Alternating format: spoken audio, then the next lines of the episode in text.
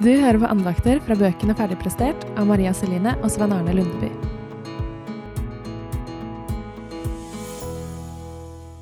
Gjør som Jesus, vær en mann. Hva vil det egentlig si å være en mann? Det er et spørsmål alle gutter og menn ønsker svar på. Og det er et viktig spørsmål, fordi det handler om identiteten vår. Likevel er det mange gutter og menn som er usikre på om de er mann nok, og samfunnet vi lever i, kan gjøre oss forvirra.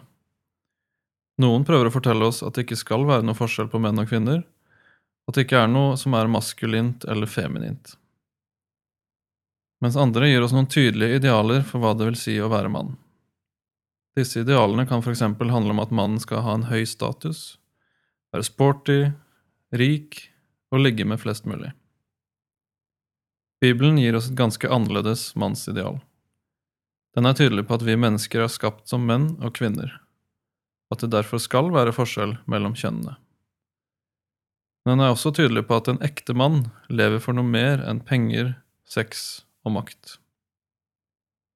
Og ingen kan gi oss et bedre mannsideal enn mannen Jesus Kristus. Han viste oss ikke bare hva det vil si å være et ekte menneske, men som mann viste han oss også hva ekte maskulinitet er. Så hvilke mannsidealer kan vi finne hos Jesus? Jo, for det første var han en som tjente andre. Mens mange i dag tenker at en mann bør være en erobrer som oppnår mest mulig for sin egen del, viser Jesus oss at en ekte mann setter andre foran seg sjøl. Han kunne lett brukt sin guddommelige makt til å få en høy posisjon i samfunnet. Men han valgte å bruke det han hadde, til å løfte andre opp. Det er en utfordring til oss gutter. Men det betyr også at vi er fri fra jaget etter å oppnå høyest mulig status. Og det betyr at det er andre ting enn Instagram-likes og popularitet som er viktigst. For det andre tok Jesus ansvar. Han tok ansvar for seg sjøl, for de rundt seg, og de han møtte som trengte han. Han skygga ikke unna vanskelige ting. Han viste oss at en ekte mann ser menneskene rundt seg og stiller opp når det trengs spesielt i møte med de som ikke har noen andre. Det betyr at vi gutter er kalt til å gjøre noe mer med livet vårt enn å spille PlayStation fem timer om dagen, eller bruke livet på hobbyer eller serier. Vi kan i stedet bety noe for de som er rundt oss. For det tredje var Jesus åpen og ærlig. Han var glad i disiplene, og vennskapet de hadde, var viktig for ham.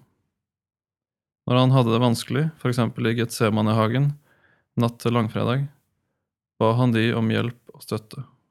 Han var ikke redd for å vise følelser, og gråt flere ganger foran mange mennesker. Det viser oss at det er ikke spesielt mandig å stenge følelser inne. En ekte mann søker etter vennskap som tåler ærlighet og åpenhet. Vær en venn som både er ærlig og tåler at andre er det. Hvis Jesus trengte det, så trenger i hvert fall vi det. For det fjerde viser Jesus oss at en ekte mann står imot fristelser. Han ble frista på samme måte som oss, men sto imot, for vår skyld. Han ble født med lyster på samme måte som oss, men lot ikke lystene styre seg. Slik viser han oss at det er ikke mandig å slippe lystene løs. For meninga med livet er ikke å ligge med flest mulig, eller bruke mest mulig penger. Meninga med livet er å være sammen med Gud, på samme måte som Jesus, finner glede og tilfredsstillelse i å gjøre det vår himmelske Far vil. En ekte mann vet at det bare er Gud som kan gi oss det vi egentlig lengter etter. For vår viktigste identitet ligger faktisk ikke i det at vi er menn, men i at vi er skapt av Gud, og at Han kjenner oss, og at Han elsker oss.